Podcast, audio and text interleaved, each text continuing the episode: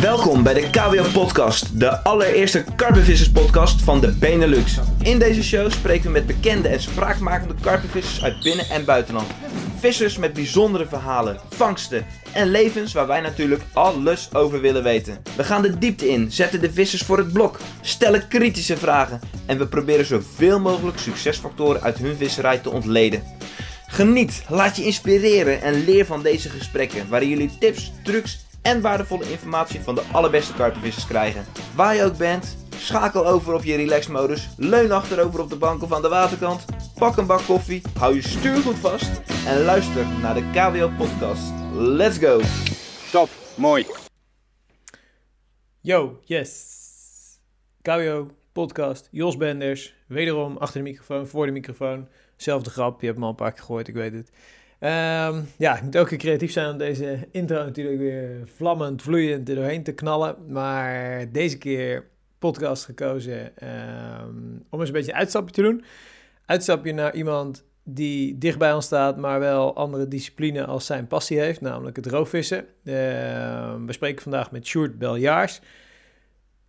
Menigeen zal hem misschien nog wel kennen vanuit zijn tijd als, als redacteur, hoofdredacteur van onder andere eh, magazine Carper. Uh, dat is waar eenmaal, dus daar zat hij ooit totdat wij hem wegkaapten en ja, aan boord haalden om met ons samen de website roofmeister.nl te starten.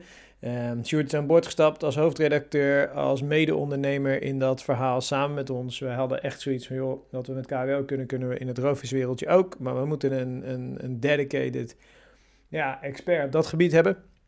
Hij is met ons gestart eind september 2018 en inmiddels uh, ja, nog net geen twee jaar onderweg. Uh, gaat als een trein, vinden we super tof. En ik heb hem gewoon eens uh, gevraagd van, joh, deel jouw leven is, deel jouw momenten als karpenvisser, want heeft hij wel heel erg veel gedaan. Vergelijk nou eens die twee specialismes met elkaar. Hè? Wat is dat roofvissen nou voor een hobby? Wie doet dat? Wat vind je daar zo mooi aan? En ik moet heel eerlijk zeggen dat ik al langere tijd wel ook eens op roofvis viste. Um, ik ben niet met allerlei gear en boten, maar ik vind het echt wel strak om gewoon met een klein hengeltje baarsen te vangen. Baars vind ik mega mooie vis. Snoek vind ik af en toe ook wel echt leuk. Ik hoef niet zo'n 1,20 lap met haaientanden uh, te hebben, maar uh, een klein snoekje, wat actie vind ik ook wel mooi.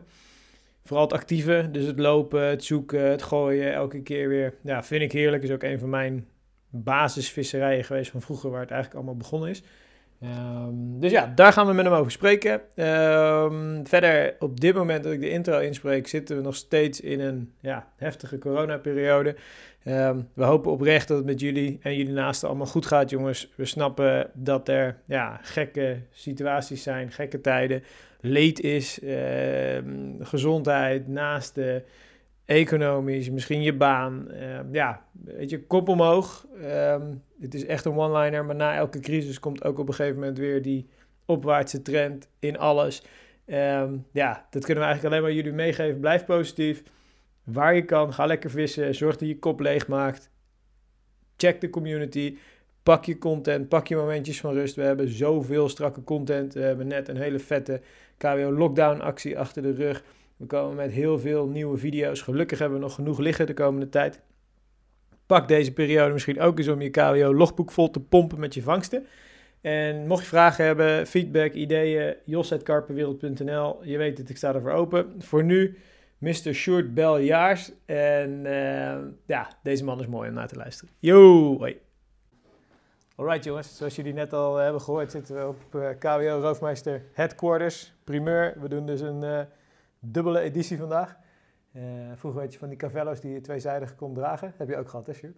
Uh, Australië. Australië had hij. Dus ja, we zitten met Sjoerd Beljaars. Hebben jullie al gehoord in de intro. Gewaardeerd collega, kopman van uh, Roofmeister. En we gaan gewoon eens een uitstapje maken vandaag. Sjoerd, welkom. Dankjewel, jongen. Dank je. Tof ja. dat je er bent. En eerste vraag. Ik weet dat je weinig in de kroeg komt. Maar stel je staat in die kroeg en je moet je eens voorstellen aan iemand wie ben je? Wat doe je? Wat heb je gedaan? Wat houdt je bezig? Waarom sta je s ochtends op? Vertel. Weet je, wel een uh, goede vraag. Maar ja. wel even een wedervraag, want het ligt er natuurlijk ook een beetje aan wie er tegenover me staat. Uh, ja, we gaan zeg maar de echte Sjoerd Beljaars willen we zien. Ja. Veel... Maar wie vraagt het aan mij in de kroeg? Ja, uh, een geïnteresseerde visser, een... Mokkel. Een mokkel, dat kan natuurlijk ook, hè? Nee, is flauw. Eh, ik, eh, snap, ik snap de insteek wel. Eh, Vertel. Nou ja, ik ben Sjoerd Beljaars. Ik ben heel erg gepassioneerd roofvisser. Kijk. Uh, dat vult mijn loopbaan op werkgebied al, denk ik, 14 jaar. Ja. En Hoeveel lentes jong ben je? Ik ben 40. Kijk. Ja, ik ben de oudste van het clubje hier volgens mij. Ja. ja. ja. Michiel uh, Pilar zei het ook heel leuk. Sjoerd, jij uh, haalt het uh, gemiddelde naar boven. Ja, hij zit er zelf niet heel ver vandaan hoor. Dus, nee, nee, precies. Dus, nou ja, goed, ik sta in die kroeg hè, met een biertje en dan... Ja. Ja joh, uh, ik sta in het leven als iemand die uh, ja, echt wel positief is, uh, leuke dingen wil doen, ook hard wil werken. En het mooiste is uit het harde werken ook je vruchten kunnen plukken, hè? dat het zinvol is. Kijk, hè? kijk. Is muziek in jouw oren, Jos? Ja, dat vind ik een hele goeie. Ja. Hey, en, en, en waar ben je opgegroeid? Wat heb je daar gedaan? School, studies, wat... nou, ik ben opgegroeid in Barendrecht, onder de rook van Rotterdam. Ja. Voel me ook altijd wel een beetje een Rotterdammer. Dat kunnen jullie ook aan mijn stem horen waarschijnlijk. Uh, ja, als klein kind altijd buiten. Uh, vond het leuk om soldaatje te spelen. Maar uiteraard ook het uh, vissen, voetballen. Is je onderdeel van een groot gezin? Had je veel? Ik heb een zus, die is drie jaar ouder dan ik. Ja. En dat was het, een heel leuk gezin. Mijn vader is helaas overleden, twee jaar geleden. Of drie jaar alweer, niet nagaan. maar echt een hele goede jeugd gehad. En vooral buiten, dus echt... Ja, ik was echt een buitenkind. Klassieke ja. boomhut. Uh... Ja, toen kwamen de computerspelletjes, die vond ik toch ook wel leuk. Maar als ja, lekker weer was... heb je een gameperiode gehad? Ja, maar niet zo als je dat nu tegenwoordig ziet. Of, uh, ja, dat waren de eerste videogames. Ik ben natuurlijk al uh, 40 jaar. Dus Wat speelde je dan? Wat, het eerste computerspelletje, kan ik me nog herinneren, er waren twee verticale streepjes op het beeldscherm met een balletje dat daartussen ja? heen en weer knalde. Ja, en daar kon ik echt dan ook gelijk uren achter zitten. Ja. Ik speelde vroeger op zo'n MS-DOS-computer. Ja. En van de schietspel, Wolfenstein. Ja. Ken je die ja, ook nog? Ja, ja zeker weten. Was, uh, ja. ja. Ja, maar daar kon ik me echt helemaal in uh, verliezen. Uh, daarna ook voetbalspelletjes, FIFA, FIFA 97 heb ik heel veel gespeeld. maar nogmaals, dat was, als het lekker weer was, was ik echt heel graag buiten. En natuurlijk ook, ook voor het vissen. Vond ik, fantastisch. Ik was altijd gefascineerd door wat er in die slootjes vormen. En als ik een baarsje zag uh, zwemmen over, over een voorretje, ja, dan moest ik die gewoon hebben. En, en dan helemaal die snoeken. Wat triggerde dat dan? Zeg maar, weet je dat nog? Waar kwam dat vandaan? Ik denk dat het een beetje in de genen zit. Mijn uh, familie van mijn moeders kant is heel erg uh, van het vissen geweest. Mijn ja. opa veel op zee. Nog de mooie verhalen van vroeger dat hij bij Hellevoetsluis grote meter kabeljauwen ving. Ja? Ja, ja dat was een echt een hele andere tijd. dat is natuurlijk allemaal nu niet meer het geval. Mijn ooms uh, veel op karpen gevist. Uh, Wordt er überhaupt geen kabeljauw meer gevangen daar bij Hellevoetsluis? Of die formaten niet meer? Nou, die formaten al lang niet meer. Sowieso nee. niet. Nee, ze ja. kunnen wel gevangen worden hoor, maar dat echt bij hoge uitzonderingen. En dan, maar dan moeten ze ver uit de kust op van die wrakken gaan vissen. Ja. En dan uh, pakken ze nog wel eens grote kabeljauw. Wil je ze echt groot vangen, dan moet je naar Noorwegen. In Nederland is het eigenlijk voorbij. Dat is wel heel erg zonde. Ja. Is dat dan vooral overbevissing? Of ja, is het, ja? dat is echt wel de... Ja, okay. dat wow. is echt de reden daarvoor. Ja. zonde. En je vertelt al net even kort, die snoek, die triggerde je helemaal.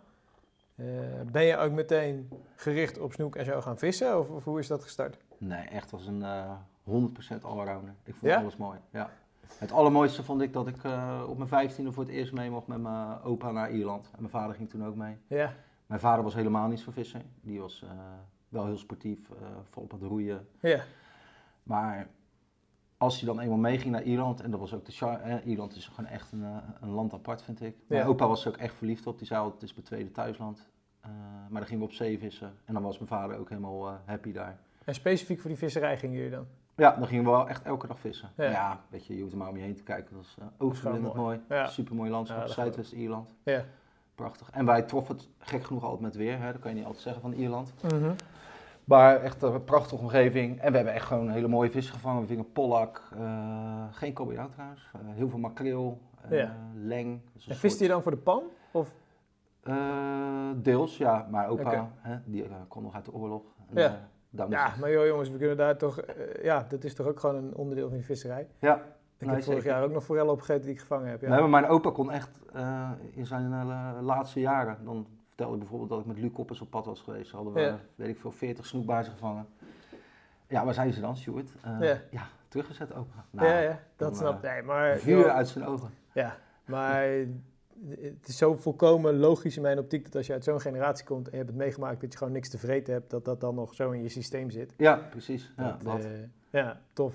En, en um, die snoek, die baars, die triggerde jou eigenlijk al van jongs af aan, eerst allround en toen op een gegeven moment ben je een soort van gaan specialiseren? Of hoe, hoe is dat gegaan?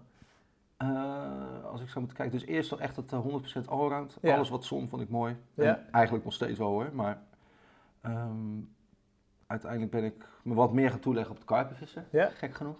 Misschien niet te hard. Hoe oud was je toen? Ik denk dat ik een jaar of twaalf uh, was. Dat ik me daar wel echt begon over, uh, voor begon te fascineren. Ja. Mijn allereerste karp kan ik me nog heel, heel goed herinneren. waren van die ja, soort kessen van een boom in het water vallen.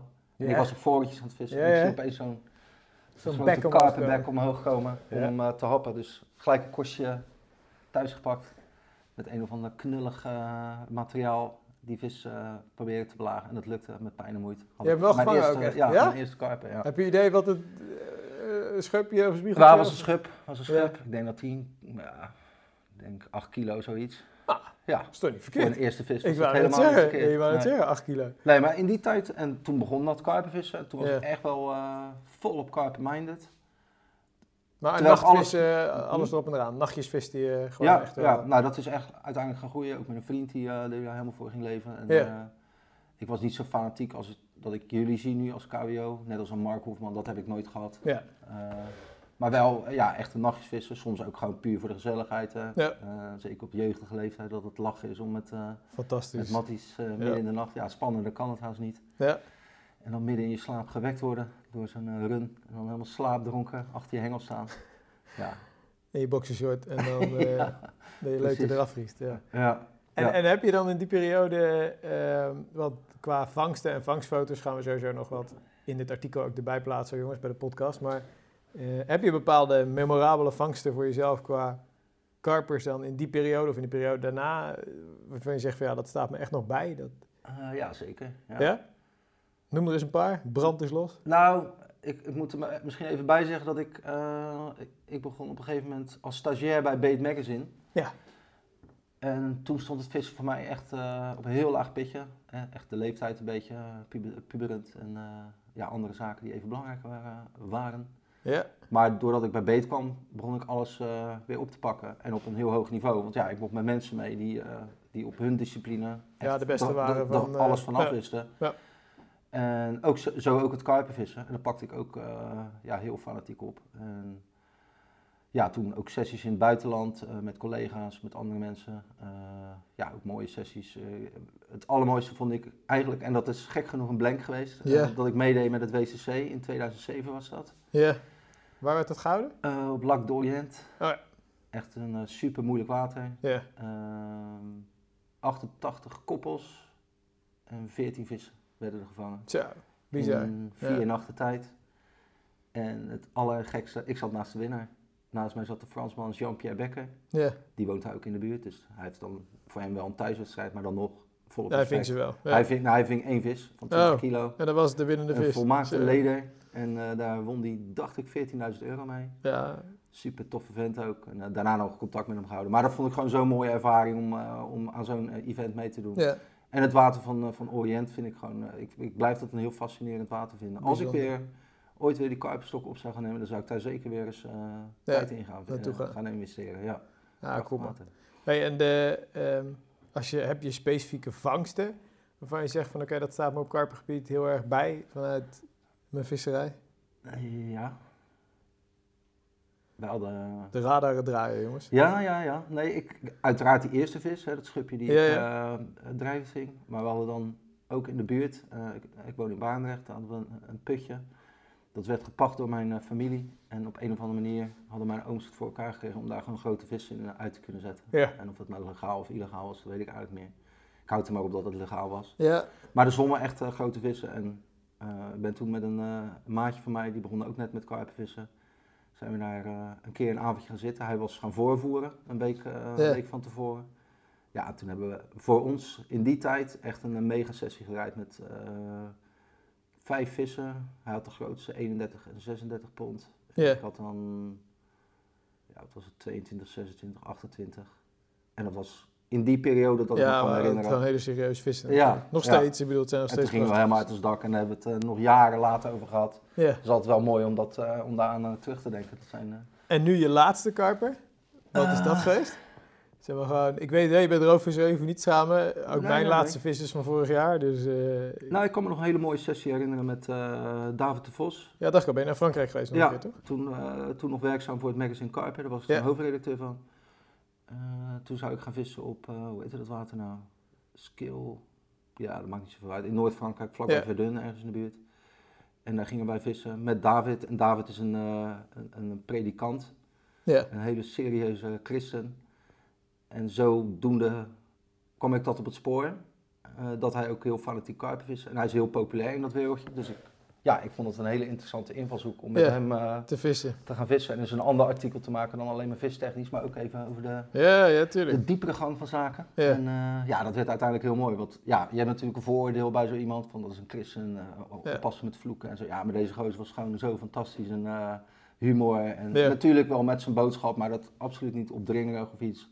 En we hebben daar gewoon leuk gevist. En eh, daar heb ik mijn laatste vis gevangen van om en nabij de 20 pond. Oké. Ja. Ah, dan wordt het wel weer eens tijd dat we je weer een keer gaan meenemen. Nou, ik wacht Ook ik moet mijn vissen gaan vangen, dus eh, misschien moeten we dat maar eens gaan plannen. Gaan we samen, Jos? Hey, en je bent eh, getrouwd, hè? Ja. Eh, twee kids, Yes. Ja.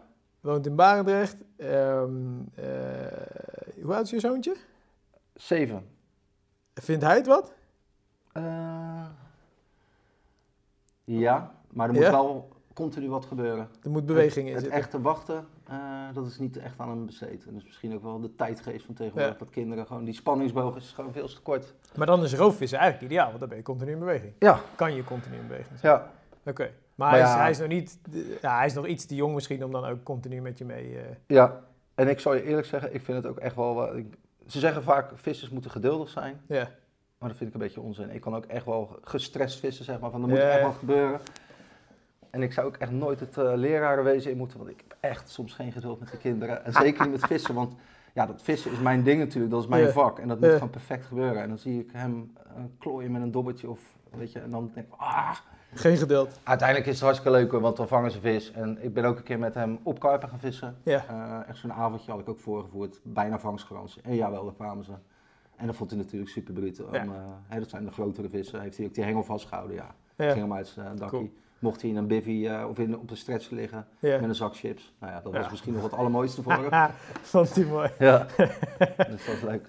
Mooie dingen. Nou ja, we zitten nu natuurlijk midden in eh, nog steeds corona-ellende. Ehm, eind april nemen we deze podcast op. Eh, jouw kids zijn inmiddels al zes, zeven weken thuis, denk ik. Ja? ja, zoiets. ja. Ehm, maar Super dus na- naar buiten gaan, vissen is, is nog niet hun ding. Dus meer zelfstudie thuis. Ben, ben je, nu moet je leraar af en toe zijn, toch? Of niet? ja, nou gelukkig eh, pakt mijn vrouw dat. eh, Ah, kijk. En het kijk. allermooiste, die heeft Ja. Pabo-opleiding afgerond. Ah, dus, Dus, die heeft ook de skills om dat... Dat, kan ik mooi afschuiven. Ja, Ja. Ja, ja bizar. Ah, gisteren is natuurlijk, of eergisteren is die, zijn die maatregelen natuurlijk aangekondigd dat ook jouw kids mogen volgens mij zo meteen weer deels naar school. Hè? Ja, maar daar zijn we allemaal blij mee hoor. Dat is wel, eh, Ja, want voor mijn vrouw, ja, weet je, die moet het ook allemaal eh botvieren thuis. Ik die veel thuis werk. ja, En het is gewoon een gedoe. Weet ja het hele ritme is Eh, opeens compleet Linksom anders. of hè? rechtsom. Het zijn gewoon dingen die ja, extra stress opleveren. Ja, natuurlijk. Ja. Snap ik. Hey, wat hield jou bezig naast die visserij eh, in jouw jeugdstudie? Wat heb je überhaupt gestudeerd? Heb je iets gestudeerd? heb je een diploma? Wat? Jazeker. Ja? ja, ja, ja. Niet, van te gefra- kijken, hè, Jos. nee, niet gefraudeerd, gewoon Nee. echt een diploma. Ja. Eh, ja, wat hield mij bezig? Eh, voetbal vond ik mooi. Gewoon sowieso sporten. Ja. Heel actief altijd. Ik heb getennist, voetbal, basketbal ook nog een tijd gedaan. Nou ja, uiteraard ook de studie. Ja. Ik heb HAVO gedaan. Daarna ben ik een HBO-studie gaan doen. Eh, culturele, culturele maatschappelijke vorming. Kijk, Ongelooflijk. Ja, Ja. echt een, eh, wat, wat, een wat, drama-studie hoor. Want het, eh, het had echt niet veel met live. En, en het eh, allerergste is, dezelfde opleiding is in Alkmaar toen met terugwerkende kracht hebben ze mensen een diploma afgenomen. afgenomen ook echt ja. Zo. dat is van die ik- opleiding. Ik, ik weet natuurlijk van jou, ik heb wat inside info, maar jouw pa was fiscalist, toch? Ja, En toen ging zo'n lief ging culturele, maatschappelijke Vorming. studeren. Ja. Hoe ging dat? Joh, die was al lang blij dat ik een eh, studie ging oppakken en nog een beetje mijn best deed om het te gaan halen. En hij was echt wel trots toen ik het heb gehaald, Ja. eh, de HBO-diploma.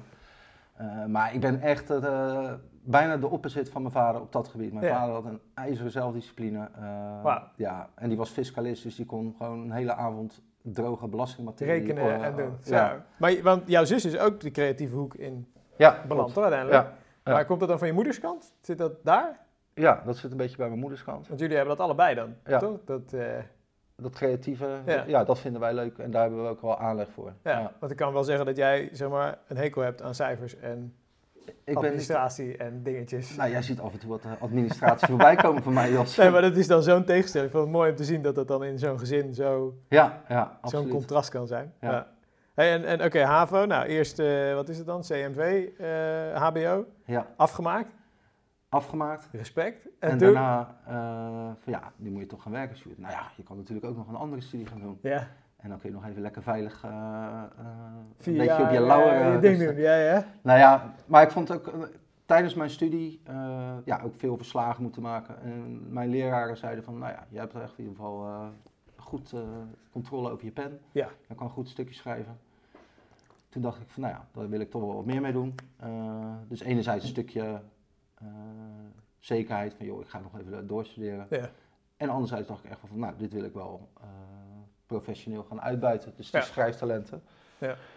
En toen ben ik gaan eh, zoeken naar studie op de universiteit, eh, de Erasmus Universiteit in eh, Rotterdam. En dat heette eh, Media en Journalistiek. En dat zou twee jaar duren. Ja. Eén jaar een schakeljaar, dat, was dan, eh, dat ging over geschiedenis, wat ik ook heel interessant eh, vond. Ja. Dat jaar ben ik toen echt wel redelijk succesvol ingegaan. Maar op een gegeven moment begon bij mij toch het werk een beetje te kriebelen. Van joh, wat ben ik nu allemaal eh, verslagen aan het schrijven voor noppes, alleen Ja. voor een cijfer. Ja. En ook wel het feit dat het eh, ja, echt wel ver van mijn bedshow eh, was. Toen moest ik een, een Engelse paper gaan lezen over de industriële revolutie in Mexico. Ja. Mijn interesse gaat heel ver, maar dan... Toen was je weg. Die kent ook zijn Oké. grenzen. Ja.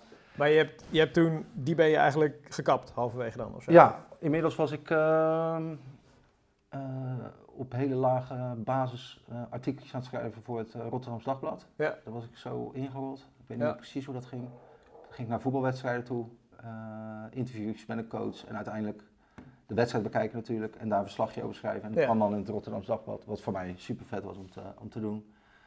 Maar ik wilde meer, ik wilde meer uh, de praktijk in. Uh, toen ben ik eens gaan uh, rondkijken. Toen dacht ik, oh ja, vissen vond ik heel erg leuk. Ja. En ik herinnerde me het magazine Beet. En ik dacht, joh, ik stuur gewoon eens een briefje ernaartoe. Ja, ja, ja. Uiteindelijk geen reactie. Toen heb ik gebeld, kreeg de secretaresse aan de lijn en uiteindelijk de hoofdredacteur. En die zei, ja, Stuart, we hebben gewoon geen plek ervoor. Ik zei, ja. Joh, ik ben aan het studeren, ik hoef helemaal geen geld, ik wil gewoon wat ervaring opdoen. Ja. En uiteraard magisch woorden van, joh, ik eh, schrijf artikeltjes voor het Rotterdams Dagblad. Kijk. En toen, eh, toen zijn ze erin getrapt. Kom maar. En toen kwam ik bij uh, Magazine in Ja. 2005, februari dacht ik. Ja, zoiets. toen startte je. Als stagiair, Ja. En vanuit daar ben je, redacteur geworden. ja, en, en, en hoe was die, hoe, hoe is dat verloop geweest? Eindredacteur Rovers. Was dat de eerste stap? Of, of je bent van stagiair, ben je redacteur, redacteur, geworden? fulltime redacteur geworden. Ja, en ook allround dan voor alle magazines was dat? Ja, ja klopt. Dus echt eh, elke visserij eh, ja, Ja. Moest ik wat van afweten. Of daar moest ik wat mee doen. Want jullie hadden in die tijd, eh, bij die, die, die club hadden jullie vier bladen? Of hoeveel waren dat er? Eh, Ja. nou, we waren sowieso onderdeel van VIP Media. Ja. Eh, dat is de uitgeverij. Die waren gespecialiseerd in special interest bladen. Dus Ja. eh, bladduiken, bloemen en planten. dat was dus niet aan mij besteed. Nee, wij hadden de, de- dat noemden we het viscluster. Ja. En toen ik er kwam hadden we Beet uiteraard, Carper Magazine. En- Nee, Of nee, kwam pas later? er. Nee. Ah, oké.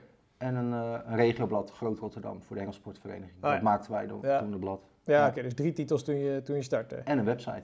En een website, Destijds. kijk. Ja. En, en uiteindelijk heb je die switch gemaakt vanaf redactieniveau naar ook ja, echt letterlijk hoofdredacteur, alle vistitels hè? Ja. Dus toen stuurde je en de redacties aan en de eindcontrole en de, dus heb je eigenlijk, Klopt. Ja. kijk. En toen kwamen wij. Toen kwamen jullie. Ja. ja. Alright, en, en, en ja, ik, ik ken natuurlijk het verhaal, maar Sjoerd is in, eh, wat is dat, medio 2018, heeft hij de overstap gemaakt naar ons.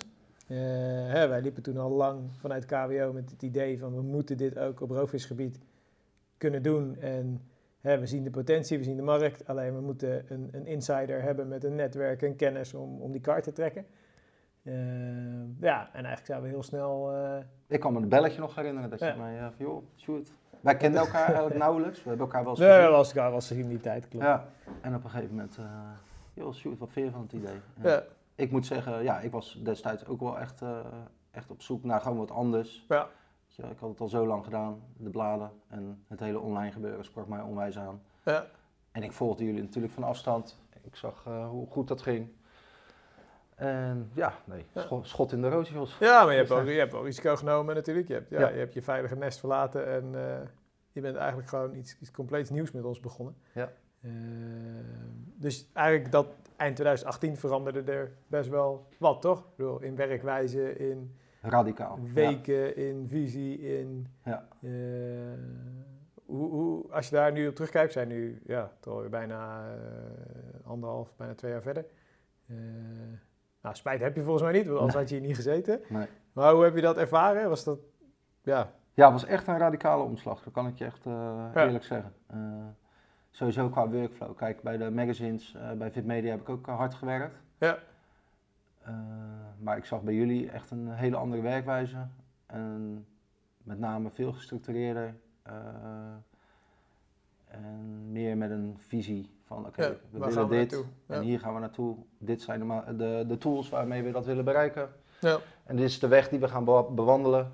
Uh, ja, in het begin heb ik daar, hè, dat is gewoon een omslagpunt. Dus dan, op een gegeven moment heb je daar ook echt in je hoofd, moet je dan ook een switch maken. Maar die heb ik in mijn uh, optiek echt wel gemaakt. En uh, ja, als ik er nu terugkijk, zou ik niet, zou ik niet anders meer willen. Nee, gewoon, ik hoor je wel eens inderdaad dat je zegt van ja, dat je bij wijze van spreken terugkijkt naar een periode waar je, ja, waar je gewoon niet meer in paste, toch? nee, nee. Laten we het zo... zo uh, ja. Nou ja, tof. En um, ja, stap naar Roofmeister. Um, platform voor roofvissers. 24-7, alleen maar gefocust op roofvis. Uh, hoe heb jij die eerste anderhalf jaar ervaren? Het platform, de groei, de reacties, uh, jouw publicaties. Wat, wat vond je mega vet? Wat staat je nog bij? Weet je, ja, heel hoe, veel. Hoe zie je dat? Dat is echt wel een, uh, een, stap in mijn leven geweest. En het allermooiste vind ik eigenlijk dat, uh, kijk, met magazines had je leuke artikelen en dan kreeg je wel eens leuke reacties, maar de, het aantal reacties wat je nu krijgt op een post, dat is gewoon zoveel meer. Ja. En, uh, zoveel meer voldoening geeft het, omdat je rechtstreeks contact hebt met je, met je lezers. En daar maak je het voor. Dus het is superleuk om, uh, om uh, reacties te horen. En ook de mindere, uh, hè, zolang ze maar gefundeerd zijn. Ja. Dat je weet, oké, okay, volgende keer hè, een, een andere insteek of ja. bepaalde dingen verbeteren. Ja. Ik vind het ook leuk dat ik word herkend op straat. Ja, vertelde je laatst, ja. ja. dat is mij nooit gebeurd. ja. Want bij de bladen heb ik me sowieso altijd wel een beetje, misschien ook een beetje verlegenheid of valse bescheidenheid. Ja. Ook wat op de achtergrond bleef. Maar nu met videoproducties, en dat is natuurlijk sowieso een hele grote stap voor mij geweest. Uh, mezelf filmen, was ook wel echt een uh, dingetje wat ik moest leren. En wat nog steeds uh, ja, in het leerproces zit, maar wat me goed afgaat, vind ik zelf. Zeker. Ah, je bent gewoon mega zichtbaar. Hè? Ja, als, dat. Als, jij het aantal en dat views... merk je echt wel. Dan sta ik bij mijn zoontje bij het voetballen te kijken en dan komt er een mannetje op me af. Ja, ik wil met je op de foto. En uh, een keer streetfishing in Amsterdam. Toen ging ik even wat broodjes halen voor de jongens. En stond bij de Albert Heijn een jongen. Yo, je roofmeester, ik volg alles van je. Ga er door. Ja, weet je, dan krijg je dan bijna kippenvel van. En, uh, dat is super vet om uh, mee te maken, zoiets. Ja. Ja. ja, we zijn dan nu, laten we zeggen, vanaf september 2018 live. Dus, dus ja, anderhalf jaar. Uh, gegroeid toch wel naar redelijk steady, denk ik, een groep van tussen de 15.000 en 20.000 roofvissers die we maandelijks linksom of rechtsom wel ja. weer uh, bereiken. Uh, denk een hele serieuze, goede groei. en ik denk dat de frisse wind die jij met name op redactieniveau daar doorheen gepompt hebt, ja, dat, dat merken we ook aan onze, hè, we hebben laatst een tevredenheidsonderzoek gedaan, dat dat heel erg resoneert bij die gasten, toch? Ik bedoel, dat ze zich daarmee ja. kunnen associëren. Video, heb... mega belangrijk je hebt negatieve reacties, maar echt ja. het overgrote deel, en dat bleek ook uit het onderzoek, uh, was positief. Ja. En dat is natuurlijk uh, ja, super bevredigend ja. om, dat, uh, om dat te kunnen zien. Ja, het is heel tof. Zie, zie, je in lezers, hè, um, eh, ik, ik vind het lastig om in te schatten, maar is de roofmeester bezoeker, is de roofvisser een pure roofvisser? Of doet hij ook nog wel eens uitstapjes? Vist hij ook nog wel eens op karpen? Eh, hè? Of, of heb je daar een gevoel bij als je kijkt naar de, de Ja. crew die jij om je heen hebt bijvoorbeeld? Dit is de goede tijd om dat te vragen. Want Ja. ja, zeker. Weet je, er zijn wel jongens die nu eh, op karpen gaan vissen, witvis, Ja. eh, andere visserijen oppakken. Dus die kruisbestuiving die is er zeker wel. Hè? Ik denk dat bij karpenvissen het ook is hoor. Misschien komen ze er niet allemaal Maar voor toch- uit, maar Ik zal eerst, eh, Ja. als het eh, seizoen weer open gaat, dan zie je dat wel veel minder hoor. ja. Ik denk dat het andersom wat meer is. Hè. Bij karpenvissen zie je natuurlijk eh, in de winter dat ze Ja, hè, het cliché van oké, dan ga ik op snoek vissen in de winter. ja. Eh, maar bij, bij, roof, ja, bij roofvissers Alleen noodgedwongen. tijd, eh, omdat ze niet met kunstgras mogen vissen in de gesloten tijd, Ja. gaan, ze, Ja. gaan ze andere visserijen beoefenen. Ja. En, en als je die, ehm, want jij hebt met allebei de doelgroepen gewerkt, is het ook een, een, een, een verschillend stereotype man, vrouw, wat een bepaalde tak van vissen beoefent? Of zie je eigenlijk dezelfde, Nee, nee, er is echt wel een verschil. ja? Ja. Kijk, karpenvissen is ook een. eh, ik heb het wel eens gezegd, een, een statische karpenvisser. Dan heb Ja. ik het even niet over de struinende karpenvisser, maar een statische karpenvisser die is eigenlijk met niks anders bezig dan het leggen van een booby trap. Ja. Voor een karper. En dan is het gewoon wachten totdat zo'n vis erin trapt. Ja. Hè, nogmaals, dat is niet de Mark Hofman, want daar heb ik verhalen van gehoord. Die eh, kan gewoon Ja, stilzitten. gaat ook, Die, eh, nee, maar, eh, maar de doorsnee ja, hè, is gaat- inderdaad een val zetten Ja. en, en wachten totdat er iets in loopt, klopt. En ik maak er wel eens grapjes over natuurlijk. Gaan ze, hè, dat heb ik zelf ook gedaan. Dan ga je in een tentje liggen en desnoods is dat midden in de nacht. Ja, daaromheen heb je tijd over voor andere dingen. Je gaat wat lezen of je gaat eh, vette foto's maken, wat dan al niet meer. Maar bij roofvis is het wel zo dat je, zeker met het kunstgrasvissen, is dat je continu bezig bent. ja, Je witvis heeft dat ook, die is eh, eigenlijk continu bezig. En dat merkte ik altijd in de artikelen ook, eh, toen ik hoofdredacteur was. mhm. De karpenvissers waren heel lang verstof. Die konden zo eh, makkelijk 3000 woorden Ja. aanleveren. ja, ja, Veel mooie foto's, close-ups, alles. ja. Bij een roofvisser was het al een stukje lastiger. En bij een witvisser was het gewoon Niet te niet te doen. Nee, want die zijn echt, die zit- hè, ze zitten dan wel op zo'n zitkist. Maar als je daar, en ik vond dat ook echt heel mooi om te zien. En zeker die toppers, die altijd weer bovenin eindigen. ja. Continu bezig met een strategie, eh voerstrategie. ja. Het haakje moest dan weer veranderen. Ja, dat is gewoon, die hebben helemaal geen tijd Denk je dat er tussen die verschillende disciplines ook echt nog, ehm, eh, ja, hoe zeg je dat? Geheim is dat zo, zo heftig, maar denk je dat er bepaalde tactieken, technieken zijn die karpenvissers weer zouden kunnen inzetten, gebruiken om dus ja, betere resultaten te boeken? Dus, dus die eigenlijk uit andere disciplines komen? Ja, ik denk dat eh, eh, beide vlakken. Ook, roofvissers kunnen ook zeker van het karpenvissen leren. Ja. Andersom ook eh, wel degelijk. Ik heb wel eens zitten denken, waarom, hè, wij, wij maken veel gebruik van bellyboten. Waarom doen karpenvissers dat niet? Nee. Ja. Mij lijkt niks handiger. ja, hoe mooi kan het zijn dat je in een bellyboot heb je maximaal controle met de flippers. Ja. Je kan een visfinder opzetten, GPS zelfs. En je zit Maar dan boven de om struinend spot. te vissen bijvoorbeeld. Wat zeg je? Of om struinend te vissen met een korst of met een ook, nee, nee, maar vooral statisch. Als jij je hengels gaat uitvaren, maar als jij dat niet met een eh bellyboot doen. Ja, uitvaren. Ja, ja, tuurlijk. Ik weet niet hoe je snelheid is op een bellyboot. Dat is misschien is niet dat je, ja, elektromotoren heb je af en toe ook op bellyboten. Ja, inmiddels wel, maar Ja. ik heb het ook wel eens, eh, zeker op kleine water, ik weet niet. Ja. eh, kijk, op groot water heb ik geen idee. Dan is denk ik een elektromotortje en een zodiacje wel fijn. Ja, Maar met een bellyboot, ik, eh, ik, zie, eh, ik zie jullie wel boven je stek hangen. Alle tijd hebben om je, je voer neer te leggen eh, met Ja. de uiterste precisie. Je richt je. ja gemiddelde vissen, karpvis aan nu natuurlijk denken, ja, dan moet ik zo'n bellyboot, moet ik die flippers aan, moet ik een waadpak aan. Ja, de tijd hè, dat ik dat allemaal geregeld heb, ben ik mijn boot ingestapt. Maar ik, ik snap wel wat je bedoelt. Ik denk dat lekker slapen in die bivvy met je baadpak aan. ja, lekker inderdaad. zweten. Lekker zweten, ja. Ja. Nee, en Ja. iets anders eh, heb ik het wel eens met jou over gehad. Eh, Ja. Het uitvaren. Ik heb wel eens karpvissers gezien met echt een rail. Dus waarbij Oh ja, ja, ja, ja. dus geen molen, maar een rail waarbij de, de as eigenlijk horizontaal is. ja, En ik weet natuurlijk eh, uit ervaring ook dat als jij gaat uitvaren met, met de slip ja, open, dat je lijn gaat kinken. ja. Maar bij een rail zal het geen enkel probleem zijn, want die gaat rechtstreeks van je, Loopt van hij je eraf. as af. ja. Maar En- goed, dat zijn Ja, dat, maar een, een rail heeft weer een redelijk beperkte lijncapaciteit, toch? ligt. Maar voor rail, ja, je moet niet zo'n big game rail voor Marlijn of zo. Maar, Nee, nee, nee. maar, Maar, je hebt in principe ook rails. eh, een 200, 250 meter kan daar wel op. Ja, dat is, dat is een goeie. Wordt wel krap, hè, denk ik. Ja. We hebben er volgens Ja. mij wel eens... Ik heb daar ook wel eens naar gekeken, gewoon voor de lol in Engelsport zaten. Ja, Maar natuurlijk, voor je korte afstandsvisserij zou het best kunnen. Ik denk niet dat er veel gasten zijn die het doen, maar... eh, maar het de- allermooiste, het allermooiste eh, raakvlak van al onze disciplines is het feit dat we ons gaan afvragen van oké, in hoeverre is een vis intelligent? Uh, kunnen ze eh, bepaalde zaken onder water van ons associëren met gevaar? Ja. Oftewel het hele clichéwoord dressuur. Uh, dat is bij karpenvissen natuurlijk in extreme mate het geval, in zoverre dat jullie daar heel erg mee bezig zijn. Ja. En je ziet het ook wel steeds meer nu bij, uh, bij het roofvissen. Ja, dus, toch ook de havensnoeken, et cetera, die weten het er inmiddels ook van. Uh... Ja, nou dat, dat sommigen, waaronder ik, ook echt zo ver gaan dat we liever niet meer met staal vissen als onderlijn voor ja. de maar dat we fluorcarbon, heel dik ja. uh, gebruiken. Voor die onzichtbaarheid. Ja, en bij, bij ik, uh, ja, het is nog steeds geen wetenschap, hè?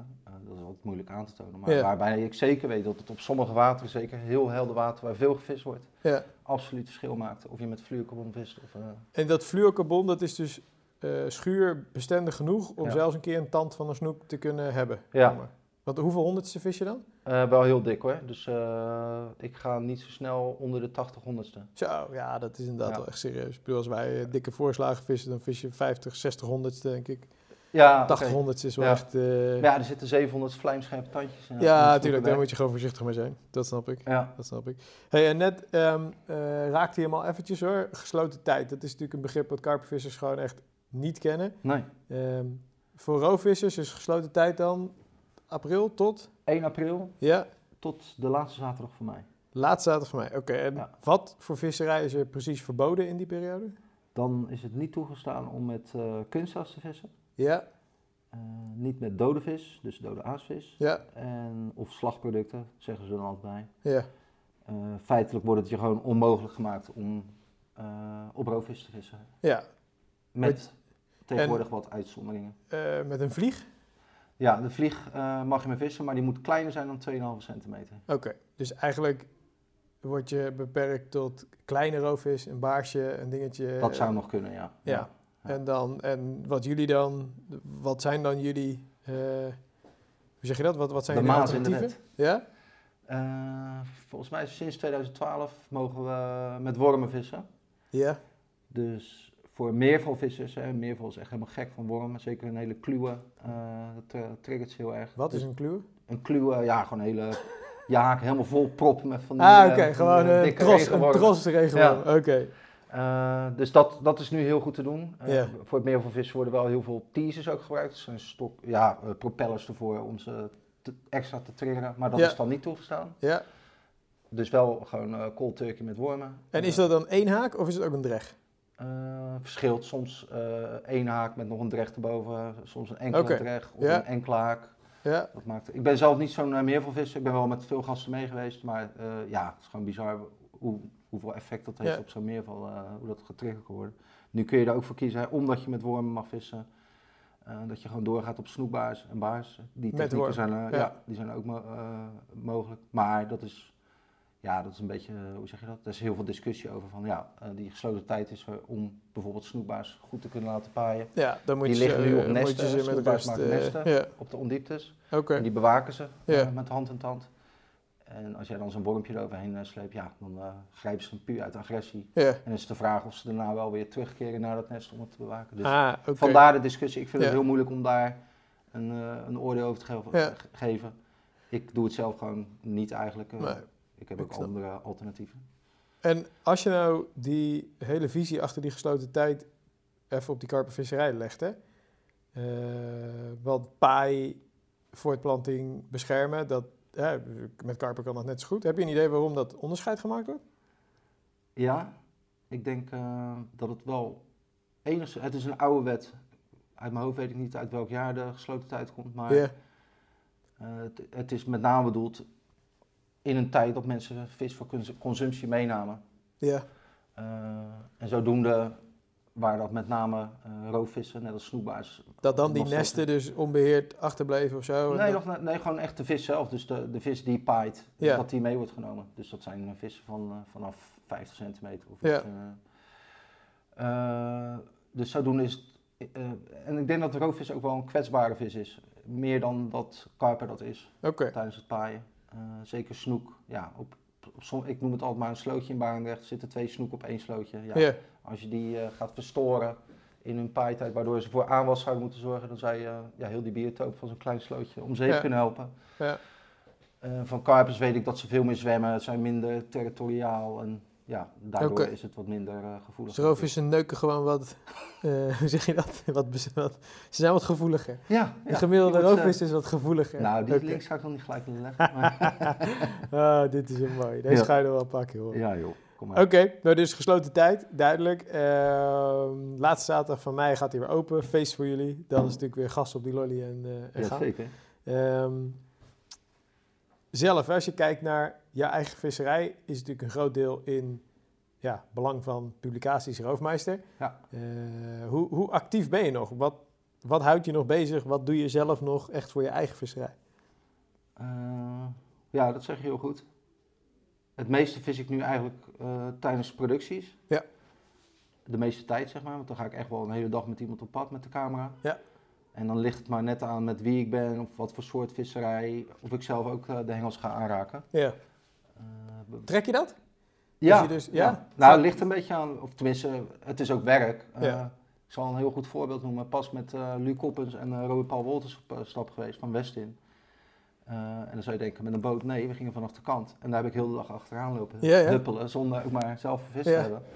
En dan denk je, ah, wat saai. En na een tijdje moet je toch denken van, ja, dan weet je toch zelf ook even vis. En ja, dat wilde ik ook wel. Maar uiteindelijk, kijk, kan ik ook echt voldoening krijgen uit het feit, hè, als ik later s'avonds uh, op mijn laptop zit en de videobeelden terugkrijg, Ja. dat ik een aanbeter op heb staan, wat al een bonus is, dan ben ik dan heel blij mee. Leuke gesprekken met, eh, met eh, Luc, of de interactie tussen Luc en Ja. Robert Paul Wolters. Ja, dat vind ik ook voldoening geven.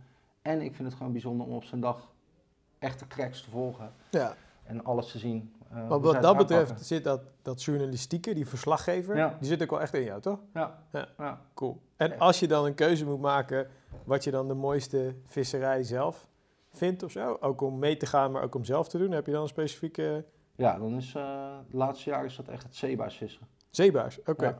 Ja, Oké. Wat nu overigens wel mag. In de, Vanaf in de kant doe je dat, hè? Ja, ik wel, want ik heb zelf geen boot. Maar Ja. je, kunt, je kunt er ook eh, prima mee, eh, of nog beter zelfs, vanuit de Vanaf, boot eh, eh, vissen. oké, cool. En, Ja. en wat maakt die zeebaarsvisserij dan zo ja, spectaculair of zo bijzonder? Of? Vooral de moeilijkheidsgraad, vind ik. Ik ben verre van ook een hele goede zeebaarsvisser. Ja. Eh, Maar leg me even gewoon als leek hè, uit. Ik bedoel, is dat eh, eh, dobber, lood, voerkorf, eh kunstazen? Waar hebben we het over? Nee, dan vissen we. Het, het meest vis ik bij de Nieuwe Waterweg. Dat is gelijk een goed voorbeeld. raast de getijdenstroming doorheen. Ja, Super veel stroming. De bodem ligt bezaaid met stenen. Eh, Ja. eh, het water is de ene keer troebel, de andere keer helder. En dan denk je, oké, dan sta je daar toch met grote st- eh, strandstokken te zwiepen met Ja. 80 gram lood. Nee, dan gooi je een, eh een setje in het water van nou, 12 centimeter met een loodkopje Ja. van 12 gram.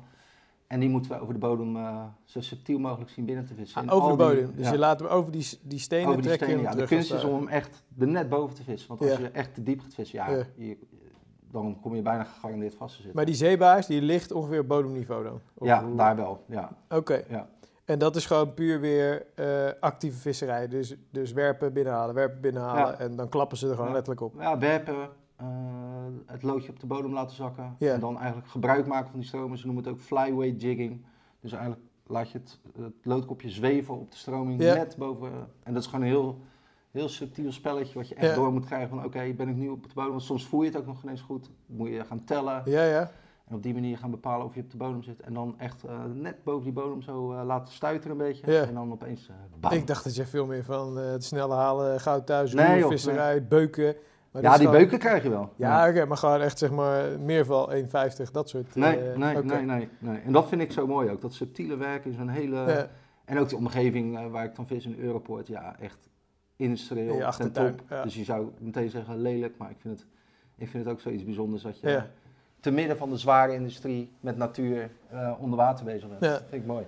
Hey, en is, dan, ehm, is dat s'nachts of s'avonds? Ik, ik weet, ik sprak je vorig jaar een aantal keer s'avonds dat je tot laat dan vist. Of heb je specifieke momenten op de dag dat dat... Het Ja. is sowieso eh getijdenafhankelijk. Ja, Dus je moet wel echt goede getijden eh, aanhouden. ja, En bij het getijden dan kun je bij eh, Rijkswaterstaat bijvoorbeeld opvragen. Dan zie je een grafiek met eh, hele sterk stijgende lijnen ja. tot een top. En daar vlakt hij wat af, flatten the curve. Het is een beetje, eh, ja. een modewoordje oh, hou geworden. op. Die Maar die weten, flatten ja. the curve, dat stukje, dat, dan stroomt het wat minder hard. En dan moet je er zijn. dan is het voor mij, hè, dan is het ook wat makkelijker vissen natuurlijk. Want als je zo uh, vol op veel stroming hebt, dus dan, dan kun je wat makkelijker vissen en meer kans maken. Ja. Uh, en verder qua overdag en s'nachts, ze zeggen dat je in het donker gewoon grotere vissen vangt. Oké, ja. oké, cool. En um, ja, je bent dan natuurlijk vaak bezig met het, het produceren van content. Um, heb je ook nog echt een eigen, eigen visserij? Dus je echt zegt van oké, dan blijft die camera thuis en uh, hè, dan doe ik echt mijn eigen ding? Even na te denken. Ja, maar dat zijn de hele korte sessies dat ik gewoon even thuis zit en dat ik uh, geen zin heb in Netflix of alles alweer ja. heb gezien.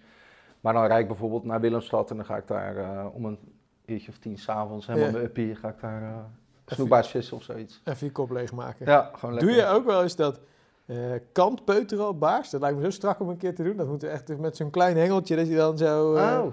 Ja, het eigenlijk het een beetje het streetfishing. Uh... Ja, dat is toch, je ziet ze toch altijd zo'n heel klein slootje tussen die rietstengels en dan dat ze baarsjes van 4 centimeter uh, Oh, nee, nee dat, uh, dat, is niet, ja, dat zou je mij niet snel zien doen. Nee. Wat is je PR baars? Daar wil ik ook over hebben. Wat, PR baars is 52 centimeter, hè? Ja. En, maar dat is ook echt wel flink fors, toch? 50ers ja. baars is echt wel serieus, toch? Ja, ja, maar wij in Nederland zijn echt bekend om die, om die grote baarzen. Ja. Zelfs vanuit Duitsland en Engeland komen ze Komen ze, tof. En uh, ik had een paar jaar geleden een heel mooi haventje uh, in de buurt van het Haringvliet, waar ik echt uh, ja, op een of andere manier alleen maar grote baarzen ja. ja echt alleen maar boven de 40 centimeter op kunsthaas. En, en, dat is ook weer helemaal... maar baars is ook wel een schoolvis, toch? Ja. ja. ja. Dus als je, als je in een goede school zit, dan heb je ook wel kans dat je er een paar kan, kan pakken. En ik dacht al dat van die grotere vissen zijn solitair, maar ik heb het idee dat het jaarklassen zijn. En hoe groter die vissen zijn, hoe, hoe, hoe ouder ze zijn. Ja. Dus hoe meer er zijn weggevallen, dus hoe kleiner de schotten zijn. Maar ik denk dat die jaarklassen wel bij elkaar blijven. Ja. Dus vang je 50 jaar vooral blijven doorwerpen. Want ze zitten er wel ze mee. Ze zitten er misschien uh, gewoon omheen. Super vet. Ja. En als je dan kijkt naar jouw, uh, ik vroeg je net naar Karper, momenten die je echt nog bijstaan.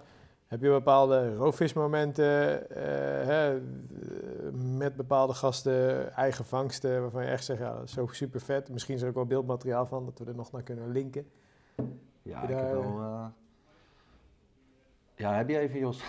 Ah, pak je je top 3. Mijn top 3? Ja. Uh, even kijken. Dan moet ik met 3 beginnen natuurlijk. Ja, oké. Okay. Nummer 3 is het uh, pelagisch vissen. Wat ik uh, voor het eerst in de praktijk zag gebeuren. Ja. Ik ging mee met Marcel Asbroek. Dat is echt zo'n tukker. Ook hoe hij eruit ziet. Lang haar. Ja. Hij heeft ondertiteling nodig. Leg hem even uit. Hè? Pelagisch is dus op snoekbaars en dan op een dieptemeter. Ja, niet per definitie op snoekbaars. Daar is het er al mee begonnen. Maar tegenwoordig kunnen ze ook snoek opvangen. Pelagisch is inderdaad wel uh, vanuit beginsel uh, begonnen als snoekbaarsvisserij. Ja. Wij dachten altijd, snoekbaars leeft heel dicht tegen de bodem, uitsluitend. Ja. Maar vanuit Zweden uh, kwam toen het, de techniek over, joh, ga eens in de middenlaag van het water kijken. Ja. en de kunst is dan, ja, het is heel moeilijk in de notendop uit te leggen, maar ik ga het toch proberen uh, je gaat met de boot een soort backtrollen, dus ga achteruit varen. Ja. Dan mag je, uh, tot je grote signalen ziet op je visfijn of het beeldscherm. Dan is het echt alles erbij uh, gebaat dat je je boot echt precies erbovenop laat liggen. Ja.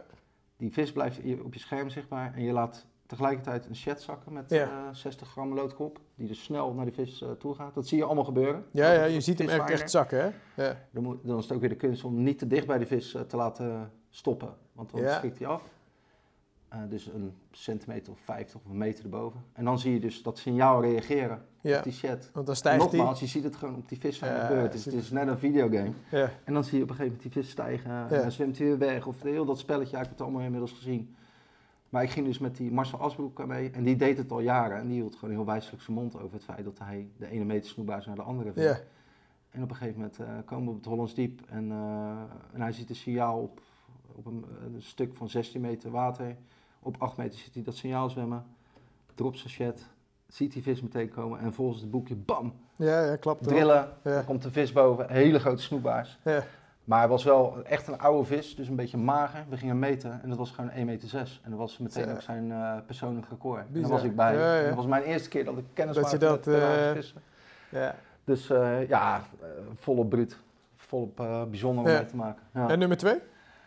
Uh, nummer twee was in Denemarken uh, met Mats Grossel van uh, Savage Gear. die heb ik destijds ook echt voor het eerst leren kennen. Voor mij altijd al een marketinggoer. Ja.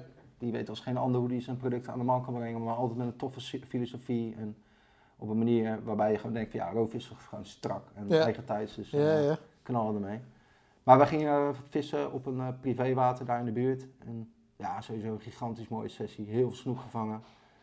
En ik vroeg van joh, zit hier geen uh, snoekbaars? Hij zei nou ja, dus er zwemmen er wel een paar, maar ja, lastig te krijgen. Ja, En toen dacht ik van ja, ik ga toch eens eigenwijs doen. Ik had zo'n klein checkje eruit gehaald. Ging een beetje peuteren.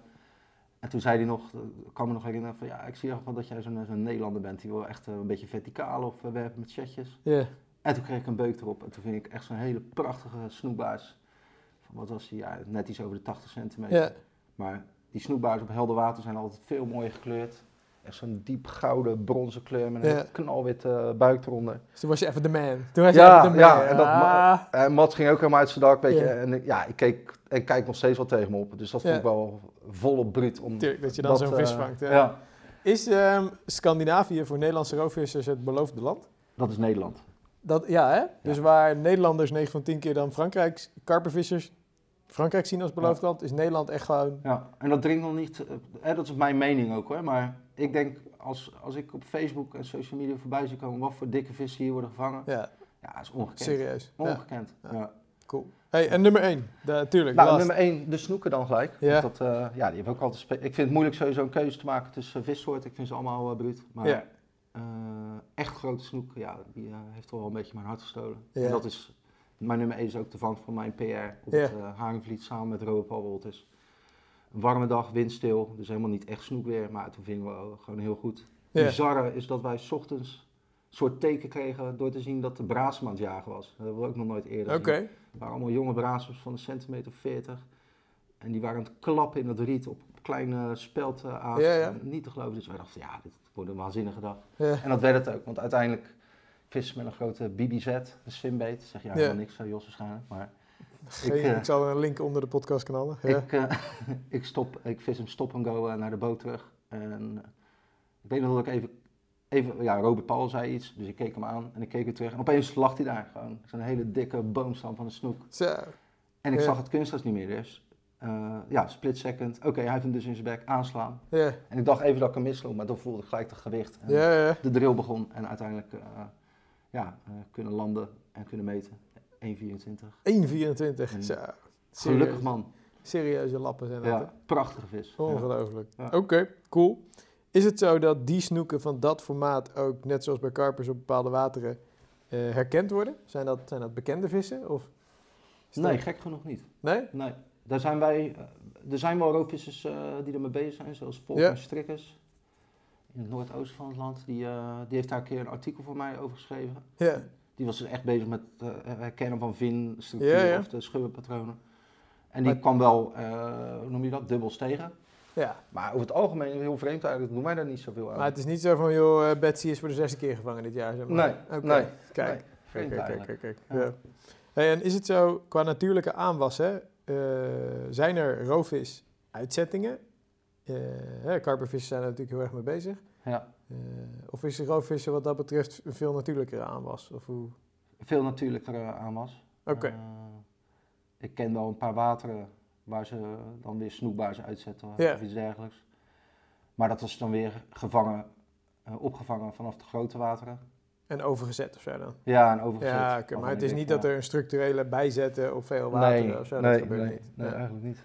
En, en natuurlijk gevoelig onderwerp, ik weet het, jij bent daar eh, gevoelig voor. Maar als je het hebt over visstand, hè. ja. eh, roofvis heeft denk ik meer last van beroepsvisserij dan ja, karper. Tenminste, dat is een aanname die ik nu doe.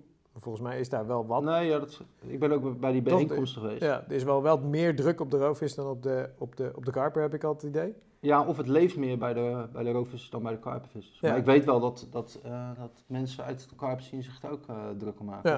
Maar Ik onders- onderschatten wij hengelsporters wat er door de beroepsvisserij met visstand gebeurt? Denk je dat? Denk je dat dat... Eh, nou, ik denk vooral de buitenwacht. Dus niet zozeer de sportvissers, maar Ja. meer het beleid daaromheen. En zeker het ministerie van Economische Zaken, die, Ja. die, ja, gewoon die beroepsvissers bijna carte blanche geeft. Want beroepsvisserij, even jongens, even voor jullie beeldvorming, is dus gewoon het met netten afvangen van grote hoeveelheden vis in zoet water, toch? Ja, Dus- ja, of zoutwater. Ja, Ja, natuurlijk. Of zoutwater is natuurlijk... Ja, zoutwater is voor ons weer heel ver van ons bedshow natuurlijk. Maar Ja. oké, dus, dus dat is... is ehm, en, en daar, ja, hoe meer er weggevist wordt, heel simpel, hoe slechter de visstand wordt, hoe Ja. lastiger het wordt voor vissers eh, recreatief om gewoon fatsoenlijk wat te vangen. Ja, precies. Eh, en hoe slechter het natuurlijk voor die biotopen volgens mij is, toch? Als, als daar... Nou ja, dat is een, dingetje. Kijk, eh, een trend in, op het Nederlands eh, binnenwater is dat het veel helderder is geworden. Omdat, Ja. hè, dus de zogenaamde kaderrichtlijn water van, van, vanuit de EU. Ja, Dat heeft ervoor gezorgd dat we veel schoner water hebben. Maar dus dat het schoner betekent ook veel minder voedselrijk. Dus de is dat per definitie zo? Schoner is minder voedselrijk? Nou het is maar net hoe je schone water definieert. Hè? Want troebel water hoeft... Hè, Niet vies te zijn. Nee, Nee, nee, ik het kan het. natuurlijk vol met voedingsstoffen zitten. En zeker voor een vis als een brasem die, die, die dat wegfiltert van de bodem en daardoor zijn voeding krijgt. Ja. Eh, maar ja, dat helder water willen we, kennelijk. Ja. En dat zorgt voor minder voedsel, dus eh, minder biomassa per vierkante kilometer. Ja. En dus dat gecombineerd met die Met de beroepsvisserij. zorgt echt voor die... eh Ja. Wauw. En, Oké. Ja, ik vind het, eh, persoonlijk vind ik het een, ja, eigenlijk een, een, een beroep wat niet meer in deze tijd eh, hoort. Nee. Of heel sterk gelimiteerd moet Ja, zijn. gereguleerd en Ja. onder Ja. strikte controles. Ja. Ja. ja, dan zou ik er wel nog hel in zien. Ja. Hey, wat zijn jouw ambities, dromen als je het hebt over eh, contentproducties, roofmeister, eh, eigen visserij? Wat, wat, wat heb je nog op je lijst staan, op je bucketlist? Ja, ik zeg hier wel eens gekscherend dat wij over twee jaar een eh, kantoortje op Costa Rica hebben. Ja, dat. Jij wil echt. Oké, maar over wat voor vissoort hebben we dan? Heb je dan echt specifiek dat je denkt van. ja, ik heb wel echt een bucketlist. ja? Even snel, drie vissen die ik heel graag wil vangen is een GT. Dat is in mijn ogen de Ja. sportvis nummer één. Zo'n kracht, zo'n brute kop heeft hij. Ja, ja. Eh, peacockbas, die vind ik gewoon, ja, mooi gekleurd vind je ze niet. Ja, Eh, vaak in de Amazone of in Suriname. Eigenlijk de baars, maar dan nog veel mooier gekleurd. En nog, ze worden nog groter. Eh, nummer drie, welke zal ik eens opnoemen? Een tarpon. Dat is echt een, een hele tarpon. grote... ja. Geen tampon? Nee, een tarpon. Ik- Maar die kan je ook eh, vliegvissend op laag water en zo kan je die vangen, Ja, toch? ja. Ja, ik heb daar wel eens beelden, zijn die hele bekende beelden, toch? Dat je zo'n gozer op het heldere water ziet met zo'n vlieger en dat ze dan Ja, ze gaan helemaal springen los. en helemaal, ja, fucking dik. Ja. Ja. Nou ja, wie weet, hè? Wie weet gaan we nog een keer, eh, gaan we Tuurlijk. nog een keer die kant op. Natuurlijk gaan we dat doen. Hey, ehm, ja, we lullen alweer 53 minuten, dus we gaan aan. een beetje richting de afrondende fase. Ehm, Oh wat ik wel cool vind is om eventjes, met name dan voor de roofmeisterluisteraars, ehm, ja, wat plannen uit de doeken te doen. Hè? Ehm, we zijn al een tijdje bezig om echt ons videoarchief op zo'n niveau te gaan brengen dat we dus op termijn next level videoproducties kunnen gaan lanceren. Hè? Dat is iets waar we met mannenmacht, eh, tijd, energie, euro's, apparatuur tegenaan klappen. Ehm, ja, wel iets, iets bijzonders toch wat er gaat gebeuren. Ik bedoel dat Ja, nee, even, eh, zeker. Ja. Niet te veel verklappen, hè, niet te veel verklappen, nee dat klopt. Nee. Maar nee, we hebben echt, eh, we gaan stappen maken jongens. We komen met een eh, ja, Roofmeister Pro versie.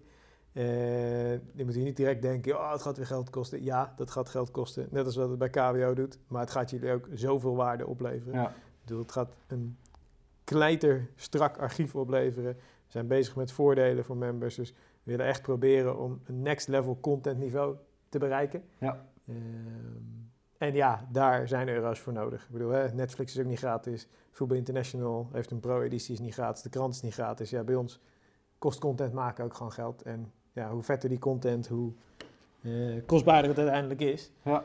Ehm, Kijk, wat- de video's zijn denk ik nu al heel erg leuk om te kijken, maar Ja. ja, ja die willen we zeker next level brengen. Ja. En eh, ja, ik kan denk ik met de hand op mijn hart zeggen dat het waar voor je geld Ja. zijn. eh, Ja, qua Sjoerd heeft nu al eh, vier, vijf producties heeft hij onder de pet zitten die eraan gaan komen. Ja. En eh, we zijn druk bezig met artikelen, membervoordelen.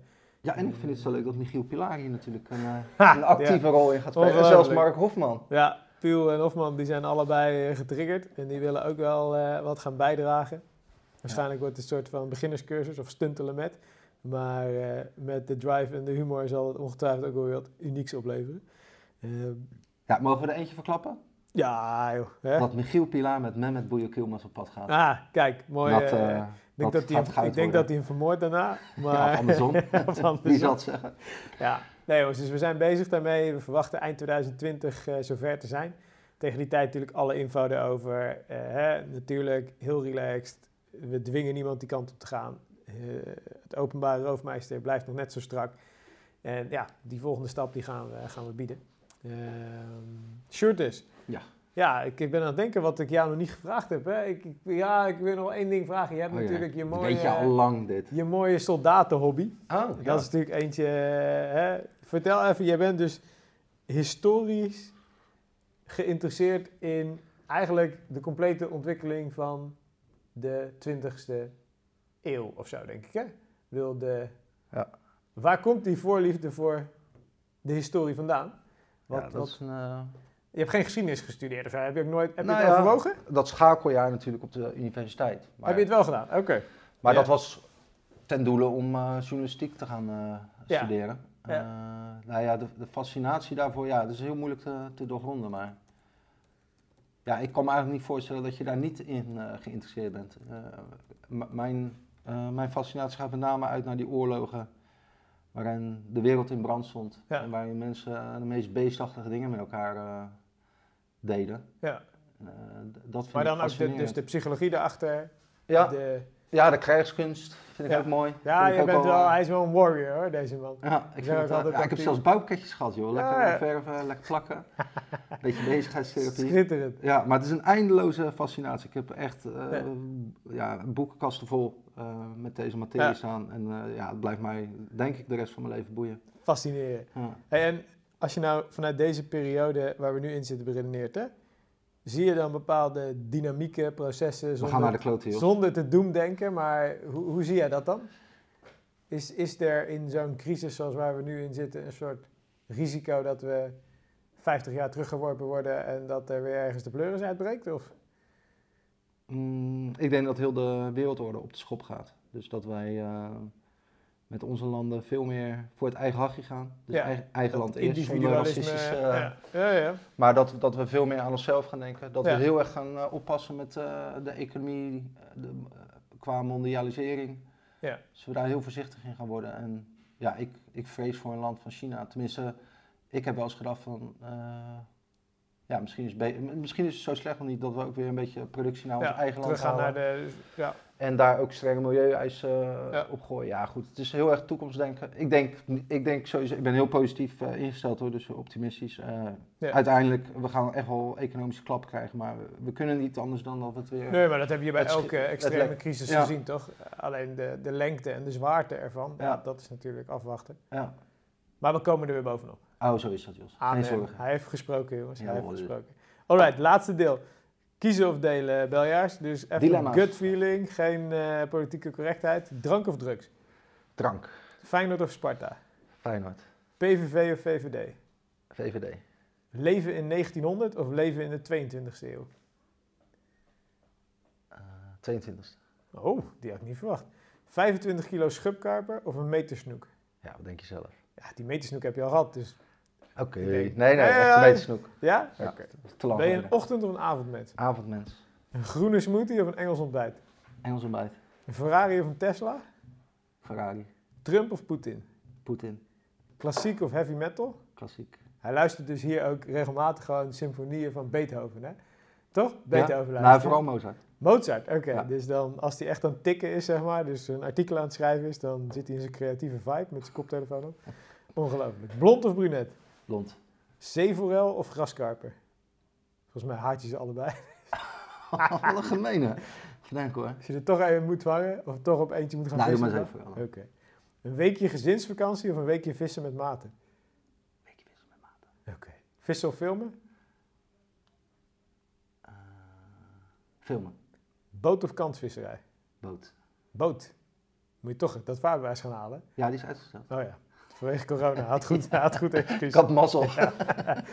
Alright, um, shooters, dank. Ja. Heb jij een boodschap voor eh, KWO, roofmeister, luisteraars die je ze wil meegeven?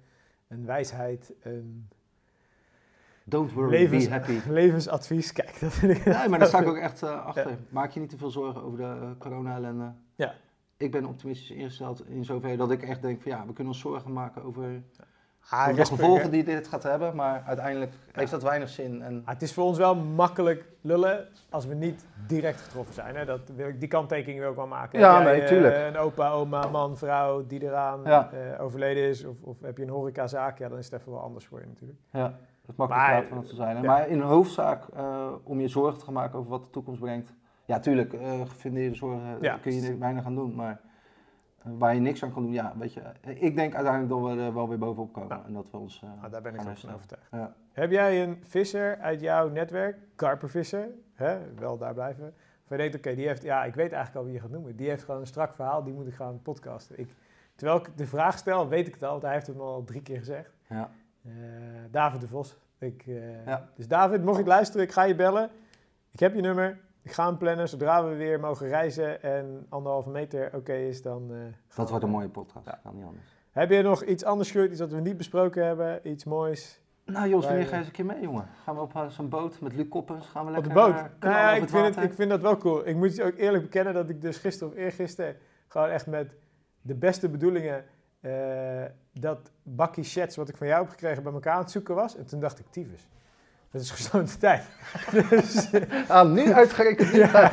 okay. Dus toen dacht ik, oké, als ik nu ga, en zeg maar, ik kan, ja, dat kan ik niet maken. Als ik dan, hè, niemand komt het te weten, maar ik kan niet maken dat als ik dan zo betrokken ben. Mooie mannen. Ja, dan kan ik niet op die manier gaan vissen. Dus, Maar nee, bij deze beloofd, laten we 2020 pakken om... Uh, Jij gaat het zo mooi vinden, Roofvissen te doen en nog eens een keer karpen te vissen. Ja. Uh, dankjewel voor je tijd, je verhaal. Jij bedankt. Uh, jongens, mochten jullie iets willen weten verder over Roofmeister, um, over KWO, mail ons, bel ons. Mocht je nou als karpenvisser fucking strakke roofvisverhalen of filmmateriaal of ideeën hebben, mail ons. Andersom net zo als roofvisser, dat je zegt, joh, jongens, jullie karpenvissers, moeten echt een keer dit doen. Um, naar mij, jos.karpenwereld.nl, Sjoerd.info.roofmeister.nl. Sjoerd is ook mega toegankelijk op social media. Hij reageert overal op, als je geluk hebt. uh, Roofmeister Pro houden we jullie van op de ontwikkeling, ik moet het goed zeggen, van de ontwikkelingen op de hoogte. Netjes. Mocht er nieuws zijn, horen jullie dat, publiceren we op Roofmeister. En ja, stay tuned, houd in de gaten. Eind 2020 zijn we zover. Later. Later. Zo, dit was hem. Hopelijk hebben jullie genoten van deze KWO-podcast. Nou, en wil je genieten van nog meer verhalen en avonturen? Bekijk dan een van de honderden updates die inmiddels voor je klaarstaan op de KWO-community. Vanaf 4,95 per maand ben je member en krijgt onbeperkt toegang tot alle vette films, artikelen en video's. Daarnaast scoor je ook nog eens dikke kortingen bij de diverse partners van KWO. Kortom, word member, bekijk alle updates op de website of download de KWO-app in de App Store. Jongens, tot de volgende aflevering.